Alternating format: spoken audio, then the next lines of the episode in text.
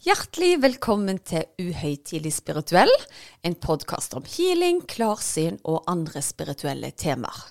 Noen ganger har vi gjester, og noen ganger er det bare meg sammen med min ektefelle Erik.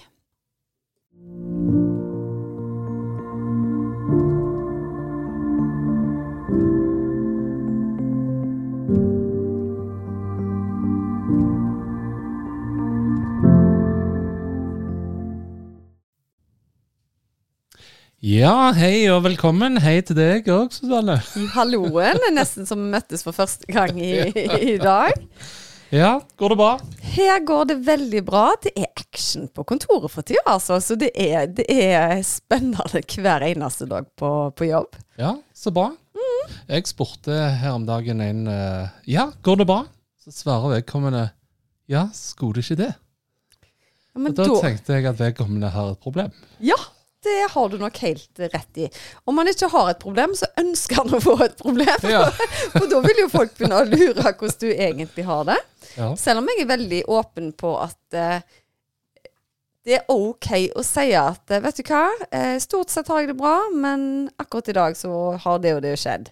Men det er jo allmenn forventa at når du sier, treffer noen på butikken som du ikke har sett på fem år, går det bra, så er det vel en forventning om at du skal si ja takk, det går, det går fint. ja. Og det kjenner jeg meg òg veldig igjen i. For det at i det siste så har jeg faktisk truffet et par fra, eh, la oss kalle det, fortiden. Ja. og blir spurt spørsmålet Går det bra? Så jeg, vet du hva, siden du nevner det, så har jeg fått pacemaker og diverse og legger ut av hele regla. Og jeg får jo bare dådyr øyne tilbake igjen, som om eh, lysene på bilen står og blinker midt i natten. Ja, men Erik, det er jo flere år siden du hadde dette hjertestanset ditt nå. Så, så jeg får jo håpe at den, eh, den Jeg hadde kanskje håpet at du glemte ut litt den pacemakeren eller hjertestarteren. Jo, men det er jo et hett samtaletema. For da får du litt mer omsorg og oppmerksomhet som du ikke får, ikke får ellers. Kanskje det. Ja. Ok, men jeg tenkte i dag så kan vi jo snakke litt om eh, folk som tar kontakt og stiller spørsmål. ja. For det å stille gode spørsmål er jo alltid gøy. Ja, det er det. Eh, og så tenker jeg av og til òg ikke still spørsmål du ikke vil ha svar på. Mhm. Mm, spennende. La Ja. oss nå se. Ja. Ja, eh, jeg tenker vi kan bare gå rett på. Ja. Eh, og så trenger vi ikke nødvendigvis si at det er Per eller Pål som spør, men eh, vi bare leser rett opp. Ja. Ja. Eh, skal vi se. Eh, dere har en så fantastisk podkast. Dere utfolder hverandre veldig godt. Og jeg lurer på én ting. Du har så mange flotte opplevelser, men vi som ikke har det, som er på en spirituell reise, men ikke vet helt om man er på rett vei. Vi som strever i det daglige liv og ikke vet hvordan man får kontakt med sine guider, og har vanskelig med å finne ro i meditasjon, og ikke har spirituelt fellesskap. Har du et godt råd? Nei. Nei da. Nei, vet du hva. Nå må vi bare minne om at akkurat dette spørsmålet her, det kom på bakgrunn av den forrige episoden vår, som hadde med balanse å gjøre. Og der var jo jeg det at noen ganger så må jeg koble av det spirituelle for å kunne bare være Susanne, og da gjerne få en bedre oppgradering av meg sjøl etter hvert, da. Men er du en person som strever litt med den kontakten, så blir det jo litt motsatt. Og jeg har vært inne på det tidligere, og jeg anbefaler deg å gjerne lytte til den episoden som heter 'Hvordan blir man spirituell?' En gang til, for der går jeg mye mer i sømmene på det. Men det går mye på dette her at du er nødt til å gi det tid. Du er nødt til å sette fokus innover på deg sjøl. For dette her er ikke gjort på et minutt eller en dag, altså. Men det fins øvelser og teknikker en kan gjøre for å komme i dypere kontakt med deg sjøl. Enten i form av meditasjon eller gjennom healing. Du kan òg prøve å lytte til mine guida healinger for å egentlig få et løft mot den spirituelle sida. For da trenger vi av og til en liten oppkobling. Mm. Men her eh, nevner vedkommende at du kanskje ikke får denne oppvåkningen av meditasjon. Er det det at hun prøver, hun eller han prøver for hardt, da, eller? Det kan det være av og til, altså at vi vil for mye på for kort tid. Eh, og så er det sånn at noen av oss vi er i åpen bok med en gang, mens andre trenger på en måte å lirke og lure litt mer. Men jeg må bare si det at det, ikke gi opp. Og det kan godt være at du får mye mer tegn enn det du tror. Men du sammenligner kanskje med noen andre som har mye tydeligere tegn. Jeg som jobber med dette hver eneste dag, har jo gjerne en helt annen opplevelse enn en person som nettopp har begynt å sette døra på gløtt for spiritualiteter. Så den streken i sanden vi ofte eh, snakker om, det trenger ikke være så mye. Det kan være så enkelt som at du ber om noen du er glad i, som har gått bort, om å gi deg et tegn. Så kan det godt være at du ikke får noe tegn den første, andre og tredje gangen du spør. Men kanskje neste gang, da, etter litt tid, når du har brukt tid og krefter på det, at du ser eller oppdager noe spesielt i det du tenker på vedkommende, f.eks. Mm. Jeg tenker, hvis vi tenker på det å bli spirituell som en prosess, Mm. eh, så tenker jeg at eh, hvis vi relaterer det til en selger, da. Du har aldri solgt før i hele livet, men du har en drøm om å bli en superselger. Ja. Eh, og det første du blir bedt om å gjøre av sjefen, det er å åpne gode, gamle gule sider for å finne en bedrift som skal kjøpe ditt produkt. Det er jo ikke sånn at før du har åpna gule sider, så ringer mobilen din og sier Hei, du, jeg hører du har blitt selger i Product AS. Jeg har en milliard å bruke her. Har du lyst til å bli superselger? Det syns jeg var et genialt eksempel. Men så har du de få som er bare født sånn, At det er det de går inn i den nye jobben, så sier alle ja, nå skal du bruke det trainee-programmet alle har brukt. Og så idet du åpner gule sider, så ringer faktisk telefonen. Men det er sjeldent. Det hører til sjeldenheten. Så tålmodighet, altså, det er så utrolig viktig. Men så er det òg det å stole på det du faktisk får inn. Og da kan jeg fortelle om et lite eksempel jeg hadde her en dagen. Da ligger jeg i solstolen ute på terrassen. Skulle egentlig legge sammen klær og tenkte nei, vet du hva, jeg gir meg et kvarter ute i sola. Og kvarteret ble til timer. Nei. Nei, det gjorde ikke det. Nå skal jeg fortelle deg det som skjedde. Eh, for idet jeg ligger der og slapper av, så skulle jeg egentlig tenke på helt andre ting. Jeg skulle eh, lese alltid i bok, blant annet. Men så plutselig så, så detter det inn i hodet mitt Hent penn og papir. Og så er jeg så lat at jeg tenkte nei, vet hva, det, det gidder jeg faktisk ikke. jeg vet ikke hvor jeg har penn og papir engang. Og så igjen hørte jeg 'hent penn og papir'. Og så tenkte jeg OK, er det noen som forteller meg noe her, eller er det bare jeg som i fantasien min drar noe ting fram? Og så sier jeg til meg sjøl i hodet at vet du hva, det gidder jeg ikke. Dere får bruke det digitale hvis dere har noe å si. Og jeg opp med notatboka mi og tenkte ja, ja, vi får se hva som kommer. Og da skriver jeg bare helt intuitivt, så står det Hils dine kjære, punktum, klem pappa.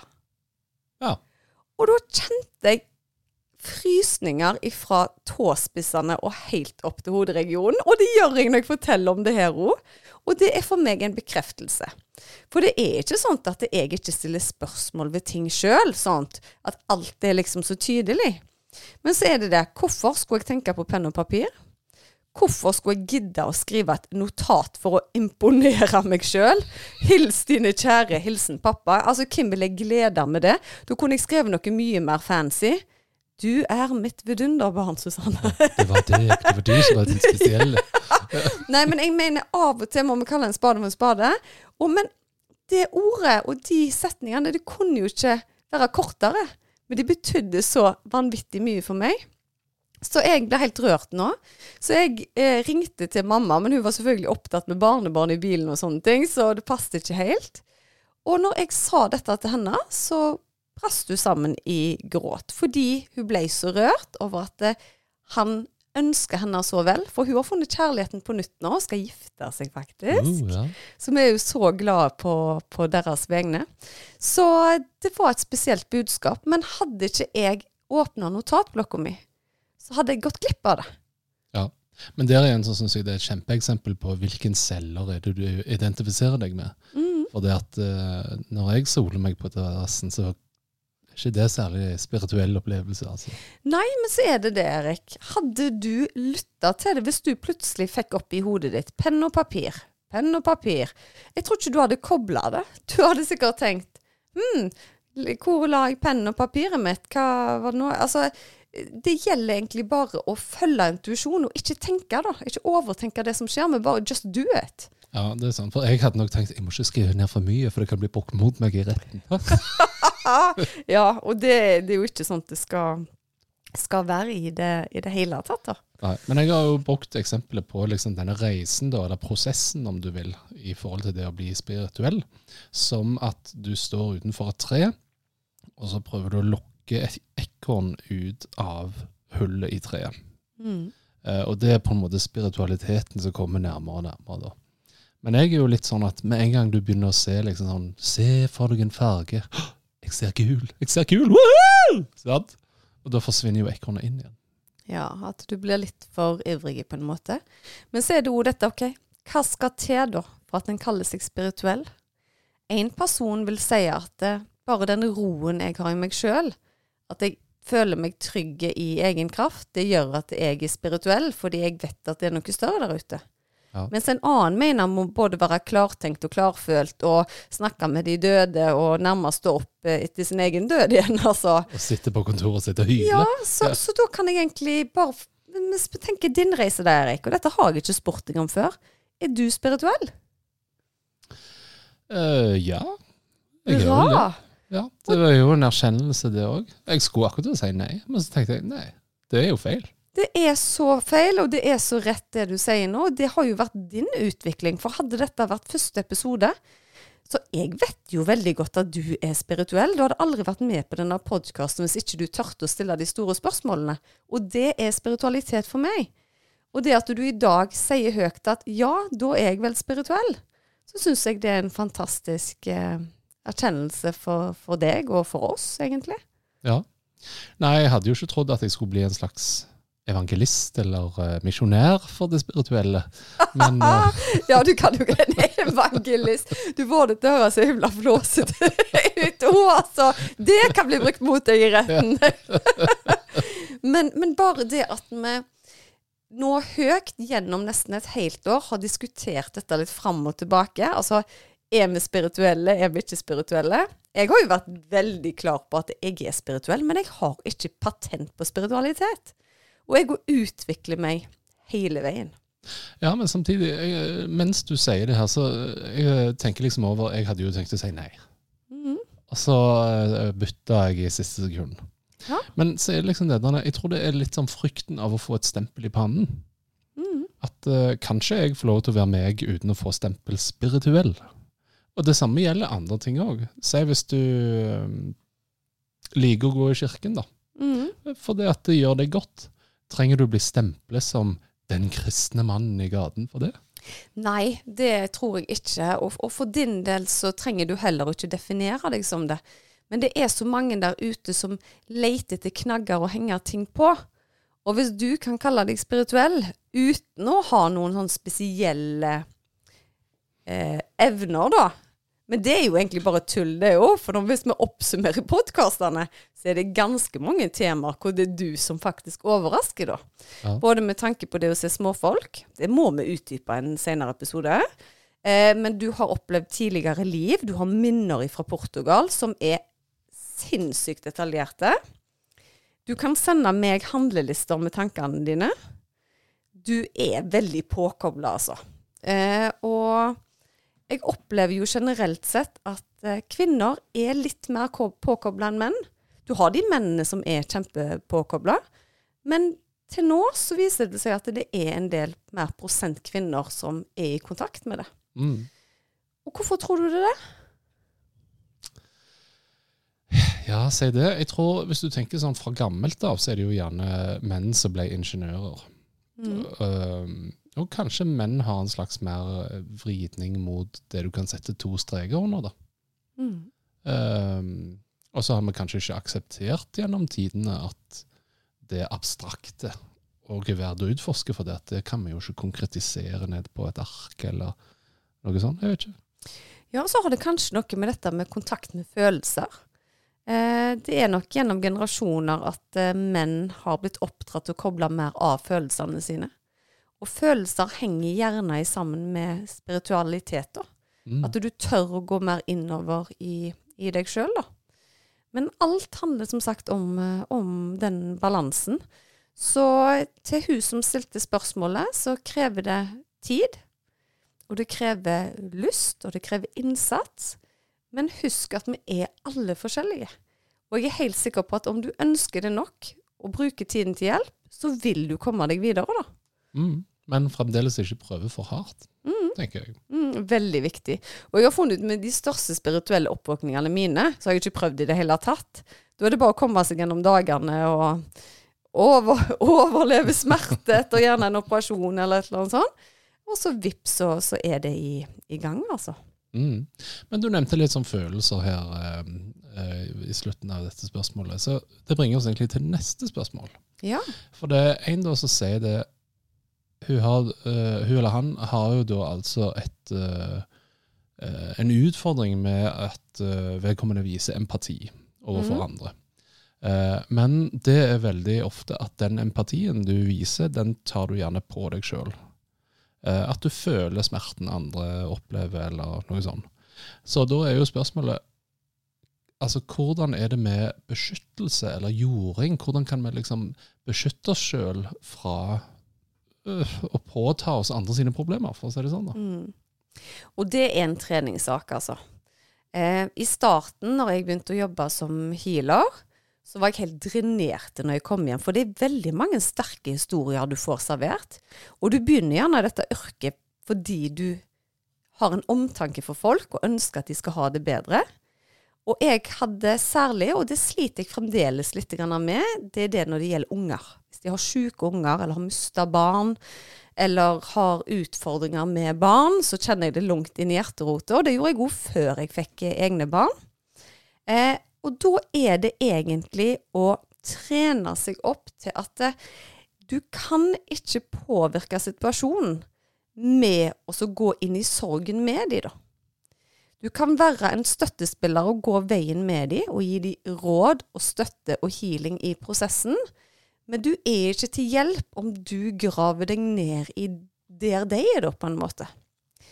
Eh, og da kan jo folk si at ja, det er jo enkelt å si, men igjen, det er en treningssak. Vi må lære på en måte å distansere oss litt, selv om en viser omsorg, da. Så det er mange ganger jeg sier til mine klienter det at eh, send meg veldig gjerne en melding i kveld, jeg vil vite hvordan du har det. Det betyr ikke at jeg da går hjem og er drenert og ligger og griner på sofaen i fire timer fordi jeg vet at de har det vondt. Men jeg er til stede for å gi dem et løft når de trenger meg, da. Eh, og jeg vet at mange bruker teknikker sånn i form av at de setter opp et skjold rundt seg sjøl, altså et symbolsk skjold. Eh, jeg vet at mange bruker dusj. Når du har opplevd å ta inn andre sitt, hvor du føler du ikke klarer å riste det av deg, ta deg en kald dusj. Det fungerer veldig ofte, for da restarter du litt energifeltet ditt. Eh, personlig så bruker jeg mye såpebobleeffekten.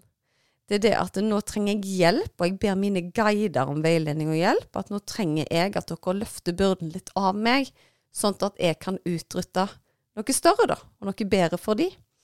Eh, og det fungerer veldig godt for meg. Men for de som ikke føler at de har så sterk kontakt med guider og hjelpere, så er dette med kalddusj eller putte seg inn i såpebobla veldig bra. Ja, interessant. Ok, nytt spørsmål. Eh, Hunden min skada bakbeinet i går. Har prøvd å hile flere ganger, og når den kjenner varmen eller energien, så prøver den å gå unna. Har du noen tanker på hvorfor den reagerer slik? Er det ubehagelig for den? Er det ubehagelig for den? ja. Du, vet du hva? Jeg tror at grunnen til at den rygger unna, er rett og slett fordi han merker at noe skjer. Eh, barn og dyr de er veldig mye eh, mer i kontakt med følelsene sine generelt sett. Og hvis du har de evnene jeg tror du har, så er det gjerne folksomt rundt som prøver å bistå etter beste evne. Eh, det betyr da enkelt og greit at eh, han rygger litt unna først, for å egentlig vise deg at det, her er det noe som skjer. Så det er ikke nødvendigvis frykt, men det er nysgjerrighet, og at han vil formidle til deg at dette her er noe utenom det vanlige. Så jeg syns du bare skal prøve å fortsette litt framover. Det har ingenting med at dette er noe farlig. Men Babyer blant annet. Hvis jeg healer de, spesielt hvis de er veldig små, så advarer jeg alltid foreldrene at de kan grine masse i natt. Og det er ikke fordi at det gjør de vondt, det er fordi at de senser at ting skjer i kroppen, og det er deres uttrykksform. En baby vil grine på en måte uansett om det er litt sånn at det var rart, eller det var fint, eller det var sånn. Eh, så rett og slett en reaksjon på at de merker kraft. Ja, Mm. stilig. Uh, en uh, nytt spørsmål, og dette har vi jo vært liksom borte i podden før òg, med liksom uh, når vi har hatt en eh, live healing, eller at vi har lest en healing. Men hvordan foregår en gruppehealing? Gjør du healing på en gruppe kun ved fysisk møte, eller kan jeg samle en gjeng, og du fjernhealer? Vet du hva? Eh, nå begynner jeg å jobbe med litt andre formater nå framover. Rett og slett fordi, som dere vet, så er det helt umulig å få timer hos meg. Jeg spiser meg sjøl litt i begge ender med én-til-én-healinger. så framover i tid så vil ting endres litt grann av der. Så jeg kommer nok etter hvert til å gjøre det mer digitalt. Jeg ser at krafta er like god, om ikke bedre, når vi er flere samla. Eh, så per i dag så er det ikke mulig å booke en sånn privat gruppehealing hos meg, rett og slett fordi det er ikke kapasitet til det, men det kommer. Og jeg skal love dere at dere som følger på podkasten, skal få førsterett til å bli med når, eh, når det er klart. For det er masse gøy på, på gang der. Dere må bare gi meg litt tid, så jeg får unnagjort de klientene jeg følger opp én til én foreløpig. Mm. Men så kan vi jo òg si at uh, du har jo eh, foretatt gruppehealinger på et, eh, på et yogastudio ute på Bryna, var det det, eller Klepp? Ja, det har jeg òg gjort. Og det, det gjorde jeg egentlig for å teste det ut i, i starten. Eh, fikk gode tilbakemeldinger der, altså. Men jeg vil si, når jeg har gjort det i større formater, da, både med mine egne guida healinger som jeg har delt med dere på podden og digitalt, og gjennom andre podkaster, så er jo tilbakemeldingene fantastiske. Og egentlig nesten litt sterkere enn fysisk grupper, da. Så det er ikke nødvendigvis sånn at man må være i rommet for at effekten skal være bra. Det går like flott på, på avstand, da. Mm. Og, det, og det må jeg si har overraska meg mest. For jeg har holdt litt igjen på dette med gruppehealinger og tenkt at, uh, at det er jo bedre å følge opp én til én. Men når jeg ser egentlig hva effekt det har, så må jeg gjøre et lite oppgjør med meg sjøl òg. For jeg har jo lyst til å hjelpe flest mulig, og det var jo derfor jeg starta podkasten nå. Så da trenger jeg å modernisere meg litt òg. Mm. Men bare skyte inn, eh, Vi hadde jo dette, denne testen med eh, at vi hadde denne healing-seansen på podden. Ja, det var episode 24.2, for de som ikke har hørt den. Ja, Ja. At du har sånn kontroll, altså. Oi, ha-ha-ha!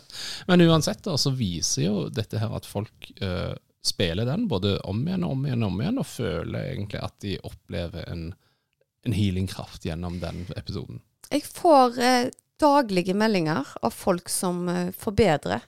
Eh, jeg får beskjed om eh, bein som flytter på seg, det er mage-tarmer som forandrer seg, det er hodepine som forsvinner med et knips, altså. Så eh, den er vanvittig kraftfull å starte på, den, den healingen jeg har lagt ut der. Eh, og den har gjort veldig mye med meg i min egen utvikling, for eh, ting blir bare sterkere og sterkere. Og jeg hadde en episode nå, var det i går, hvor jeg hadde en klient som har vært hos meg mye. Og hun har opplevd alltid vanvittig forskjellige ting på benken. Hun ser farger, hun kjenner vibrasjoner, hun får frysninger, hun ser og opplever ting. Og så kom hun inn nå, og jeg begynner å jobbe. Og det var en sånn tilstedeværelse av en kraft jeg ikke har kjent før. Og den krafta så ikke jordisk ut. Jeg snakket litt om det sist, og nå så jeg denne her i helfigur jobbe med henne.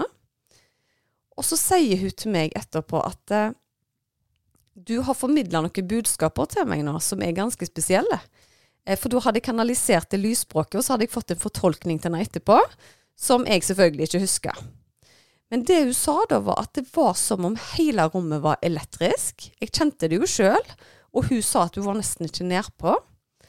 Og så fikk hun beskjed om at det, i hverdagen, når hun så farger og lys, og jeg var ikke klar over at hun så det i hverdagen, så fikk hun beskjed av denne kraften, eller denne hjelperen da, som var til stede, at det var når hun var på besøk i sine parallelle dimensjoner. Så fikk hun glimt av disse fargene. Og det var så spesielt å oppleve, og jeg skjønner at det kan være vanskelig å ta inn eh, for dere som ikke har vært til stede. Men dette skjer nå daglig, at folk bare får sterkere og sterkere opplevelser. Så den følelsen jeg har, eller de beskjedene jeg mottar, er at nå skal menneskene eh, oppgraderes mye mer enn tidligere. Eh, hjertene våre åpnes, ting skjer kjappere. Og healingen har funnet òg sin vei gjennom teknologi, da de skjønner at vi kan spille på det positivt. Og det har jo vært veldig mye fokus på at vi, vi redder teknologi, at det tapper oss. Men vi har blitt styrka på mange områder, i hvert fall gjennom den beskjeden jeg har fått. Nå skal ikke jeg påstå noen ting, det er kun den egne opplevelsen. At det faktisk kan spre krafta enda raskere til enda flere, og at vi kan få mye mer lys og kjærlighet til folk, altså. Mm. Ja, veldig bra. Eh, jeg må jo bare si at eh, jeg sitter jo uh, av og til og redigerer disse podkastene våre og litt sånne ting, og så hører jeg jo igjennom etterpå. Og så sitter jeg jo her med headsetet mitt og hører på dette her, da. Og så merker jeg jo at jeg plutselig skal si en ting til deg, og så merker jeg jo Ja, men oi, det var jo opptak. Så jeg òg føler at, at, du er veldig til stede, da, ja. i dette her. Ja, det er jo litt spesielt, og det er jo veldig fint at du, du deler, da. Og jeg merker jo sjøl av og til at det er andre som på en måte snakker litt gjennom meg, da. Og søsteren min blant annet, hun sier jo det. 'Å, vet du hva, det er så spooky når jeg kommer på kontoret'. Eh, for jeg ser forskjell på Susanne og Hila og Susanne, da. Eh, da er det mye mer kraftfullt i øynene mine, og jeg har delt det før, men eh, har annet en nydelig hudpleier som, som sier til meg det at det er så fascinerende å møte deg som Susanne og Hilar, Susanne. For dere er to forskjellige. ja. ja. Det har jo vi delt tidligere òg, at jeg var på healing hos deg for mange år siden. Og jeg følte nesten jeg var utro mot deg når jeg gikk til deg.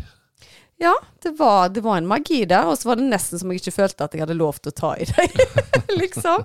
Så det er Ja, det er spennende. Ja. OK, neste spørsmål. Uh, jeg er sensitiv og kjenner fort andre smerter og problemer på kroppen. Noen ganger er det vanskelig å skille hva som er andres og hva som er mitt eget. Uh, og siden desember så har det satt seg fysisk på venstre side ved hoften, rygg og ned mot magen min. Hvordan kan jeg hyle meg selv frisk igjen? Det er nok ikke et enkelt svar på akkurat det, men jeg kan fortelle deg hva jeg gjorde. Jeg var, og det har jeg òg vært åpen om tidligere, det blir noen gjentagelser, men jeg tror ikke vi har vondt av det. At når jeg begynte å komme i kontakt med mine evner, så hadde jeg en del plager. Og i begynnelsen så var det sånn at jeg satt på bussen, og bare noen hadde vondt i skuldra, så fikk jeg vondt i skuldra. Jeg ble jo rasende på søsteren min bare og fortalte hun hadde vondt i halsen, for da visste jeg at det ble kasta på meg istedenfor. Så alle fikk beskjed om at ikke ring til meg hvis dere, hvis dere har vondt i halsen. Men det du må gjøre, du må begynne å bruke krafta di. Eh, du kan gjerne tenke deg at ja, men jeg har ikke så mye overskudd å bidra med, jeg trenger det bare til å komme av meg sjøl. Men begynn å sende kraft ut av deg sjøl, og det begynner du å gjøre mentalt. Finn deg en teknikk hvor du faktisk kan hjelpe noen andre. Så skal du se at du får like mye som det du gir, da. Og i mitt tilfelle så var det når jeg begynte å legge hendene mine på andre, og mentalt ønske at de skulle få det bedre i feltet sitt, at mine fysiske symptomer òg ble mildere. Og når det gjelder det å skille eh, sine ting og andre sine ting, så er det ikke lett i begynnelsen. Det er nesten umulig. Men igjen, det kjedelige ordet en treningssak, altså. Eh, så, så, det gjelder egentlig bare å bruke tid på det. Men bruk krafta di mer ut, for det er tydelig at du ikke klarer å forløse det. For hvis du tar på deg veldig mye fysisk, så ligger det lagra der. Få tak i en god healer eller en annen som kan eh, bistå deg, for jeg vet i hvert fall at de jeg har jobba med, så er det lettere når noen kan gå inn og så rydde litt opp i energifeltet ditt, sånn at det ikke bare går inn i feltet, men òg ut av feltet. Mm. Ja, OK. Uh, I dag har vi hatt noen spørsmål, mm. og uh, vi har lært at vi må være tålmodige. Ja. og um, gjerne meditere litt. At det er en måte å finne roen på. Absolutt. Ja, Vi har hørt at både babyer og dyr uh, er litt skeptiske til healing. Du hadde sikkert vært det du òg, hvis det plutselig sto tolv mann over deg og liksom ingen reagerte. Og de ser mer enn oss, rett og slett. Ja. Så det, er- det er litt derfor, altså. Og jeg måtte sjøl stille det spørsmålet en gang på vegne av en annen klient, til Sissel Grane. Grane. Eh, for da var det at hunden hans ble veldig stressa når hun hørte på min healing. Og da sendte jeg rett og slett en melding til Sissel, og så spurte jeg at eh, i fare for å gjøre noe feil her nå, hva tanker har du om at hunden virker nesten litt aggressiv, eller eh, føler at det er noe på gang? Er det noe negativt, eller bare for egentlig vite hva hun sa? Og da sa hun akkurat det jeg formidla nå, at den hunden senser bare at det er noe annerledes som skjer. Og mest sannsynlig så får den eh, healing den nå. Og hvis de reagerer med å være avvisende eller aggressive, så er det som regel det punktet de trenger å jobbe med i seg sjøl, da. Ja. Så da har gjerne den eh, hunden problemer med avvisning f.eks., eller har problemer med å rygge unna, så er det noe de må ta tak i. Ja, det er veldig bra. Og helt til sist så snakket vi jo litt om dette her med å eh, beskytte seg sjøl, eller litt sånne ting. Og kanskje en idé er hvis folk er spirituelle, eh, eller ønsker å bli mer spirituelle, og finne andre som gjerne er på samme reise, sånn at de kan dele litt erfaring. Ja, og dere har jo nå en del som, som er engasjerte på Instagram, i hvert fall på Uhøytidelig spirituell.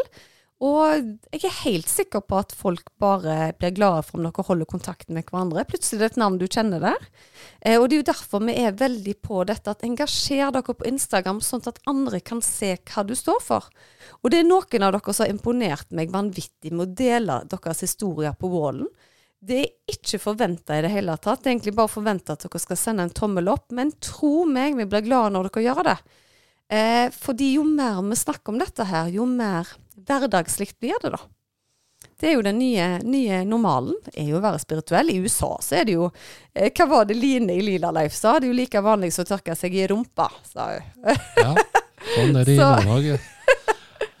Så jeg syns det var veldig bra sagt. Ja. Mm.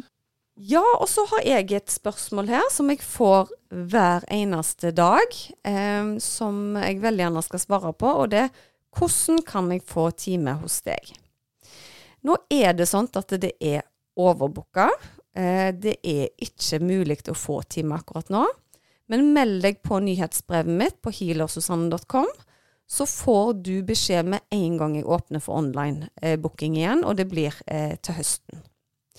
Det er noen av dere som har store utfordringer, alvorlig sykdom, traumer, som ber meg om å gjøre unntak. Tro meg, jeg har lyst til å gjøre unntak, men når du får det veldig ofte, hver eneste dag, så er det ikke mer tid til å gjøre disse unntakene. Så hør på guida healinger via podkasten 242, den er ute nå. Jeg kommer til å legge ut mer på nettsida mi nå om en kort stund.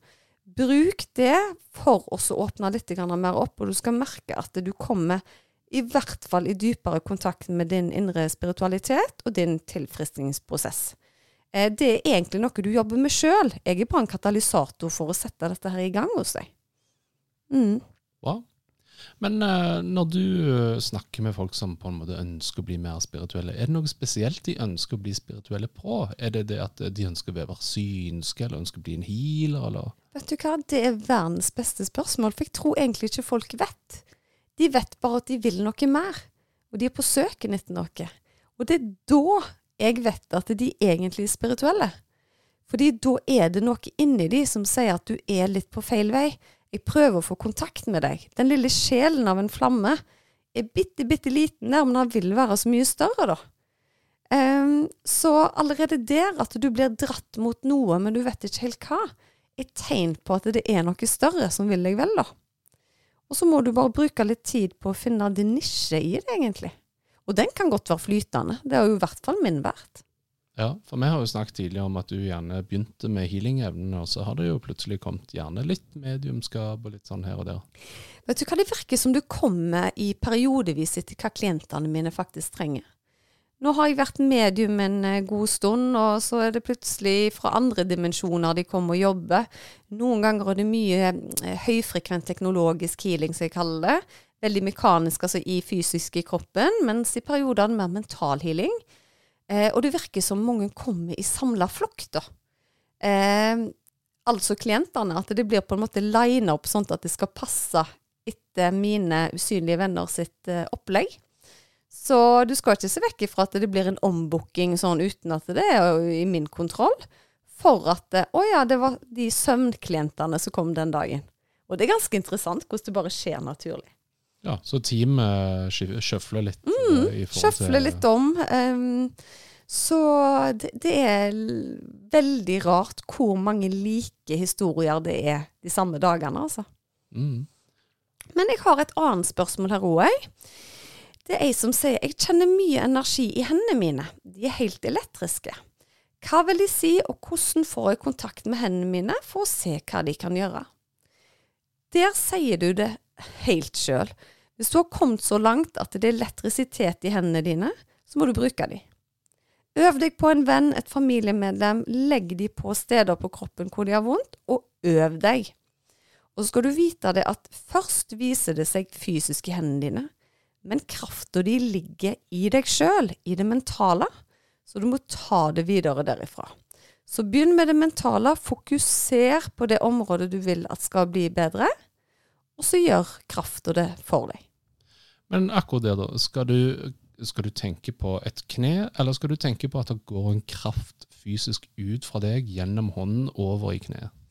Det kommer litt an på hvordan du jobber. Jeg har jo Eh, jeg har, jeg har, jo steget litt i gradene, føler jeg, etter jeg begynte. Så jeg sender jo bare hjelperne mine. Nå må dere fikse det kneet.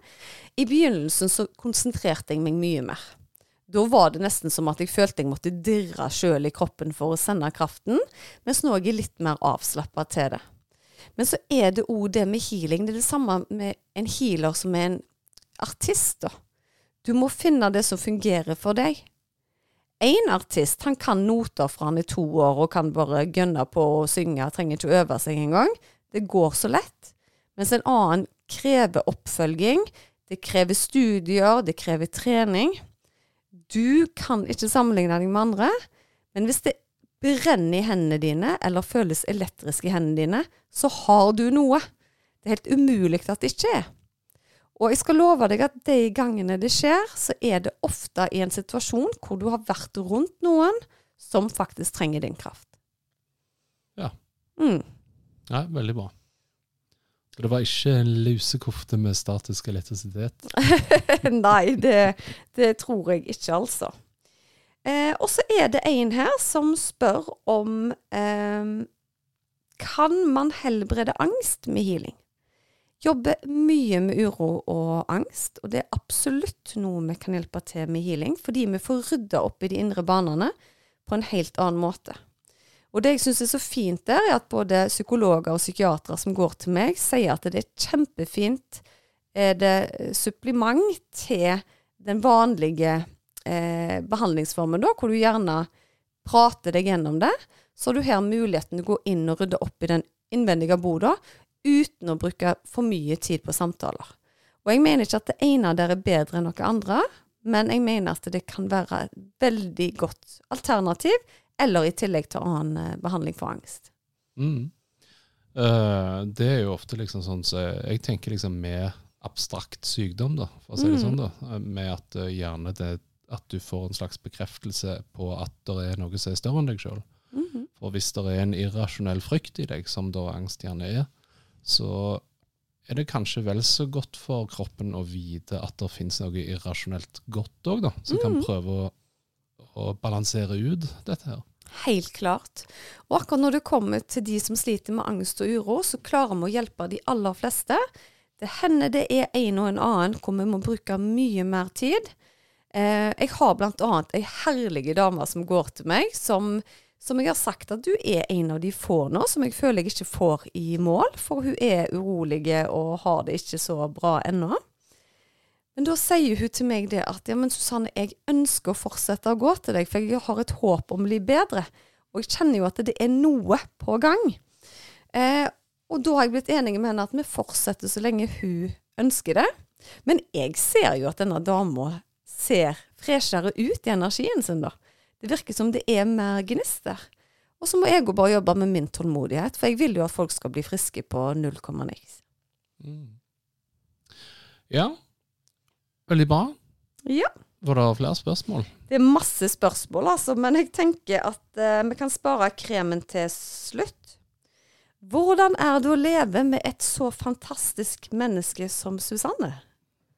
Og nå trodde jeg det var som Erik, men ja. Nå er jeg spent, Erik. Ja, jo, altså, du er jo fantastisk på mange dimensjoner. Eh, er jo Ditt jordiske jeg er jo fantastisk. Hvem er mest spennende, Hila Susanne eller Susanne? Eh, Jeg tror det er pakken av begge to. Da er det jo en litt sånn positiv, splitta personlighet du har. Hva Men, mener du eh, med det? Jo, altså Hvis folk sier de har en splitta personlighet, så er det ikke det nødvendigvis veldig bra. da. Nei? Men du har jo liksom Du er jo deg og utstrålingen og alt det, og så har du liksom deg på jobb, som da er en slags orkesterdirigent for å få folk til å bli friske, da. Mm. Og det er jo veldig kjekt å se deg komme hjem og fortelle, og er på en måte eh, Jeg vet ikke helt om du får mestring, men det lyser jo av deg når du har gjort andre eh, bra for andre i livet siden. da. Mm. Og det syns jeg er, det er jeg stolt av å leve ved siden av. Men jeg kunne ikke vært meg i min utgave uten å ha hatt deg som min støttespiller heller. Og det har jeg jo vært inne på veldig mange ganger, at eh, jeg tror for å spille meg god, så må du være der med meg og støtte meg. For hadde du på en måte ikke vært den støttespilleren en trengte, så spørs det om jeg hadde utvikla meg like raskt, altså. Ja. Nei, det som jeg sier, bak en hver eh, mann så står det en sterk kvinne, og kanskje det gjelder andre veien òg. Det er jeg helt overbevist om. Og nå skal jeg være ærlig, for det sto egentlig hvordan er det å være gift med en så forståelsesfull og kjekk mann? Se der, ja. Hvem var intuitiv nå? Så det jeg må si da, Erik, er det at jeg er helt enig. Og jeg har ikke lagt skjul på at jeg er uendelig stolt over at du har tatt steget ut og være så åpenhjertig og dele som det du har. Det at du sjonglerer, du er fotballtrener, du er en fantastisk pappa. Eh, du stiller opp på skole, du er på jobb 24-7, føler jeg med din vanlige konsulentjobb. Og i tillegg så strekker du deg ekstra for at jeg skal få formidla eh, det jeg ønsker via podkast. Så um, jeg er veldig takknemlig for å ha deg i livet mitt. Og så ser du forbaska bra ut i tillegg. Ja, men så bra. Ja, du gjør jo det du òg, altså. Så, men det er jo godt vi er så happy begge to, da. ja, så kleint for lytteren å høre. Ja. Nå, nå, nå skal vi late som vi skrur av- av mikrofonen, og så bare Du, det var ikke det du skulle si! Ja. Les på lappen din! Nei, vet du hva, folkens? Fortsett å dele av deres eh, erfaringer. Send veldig gjerne spørsmål via Instagram, og jeg syns det er kjekt når dere er synlige. Um, er det noe dere ønsker vi skal formidle, så gi gass, gi oss beskjed. Og fortsett å ta et dypdykk i din indre spiritualitet. Mm, veldig bra. Med det takker vi for at du hørte på. Ha det bra! Ha det, Arne.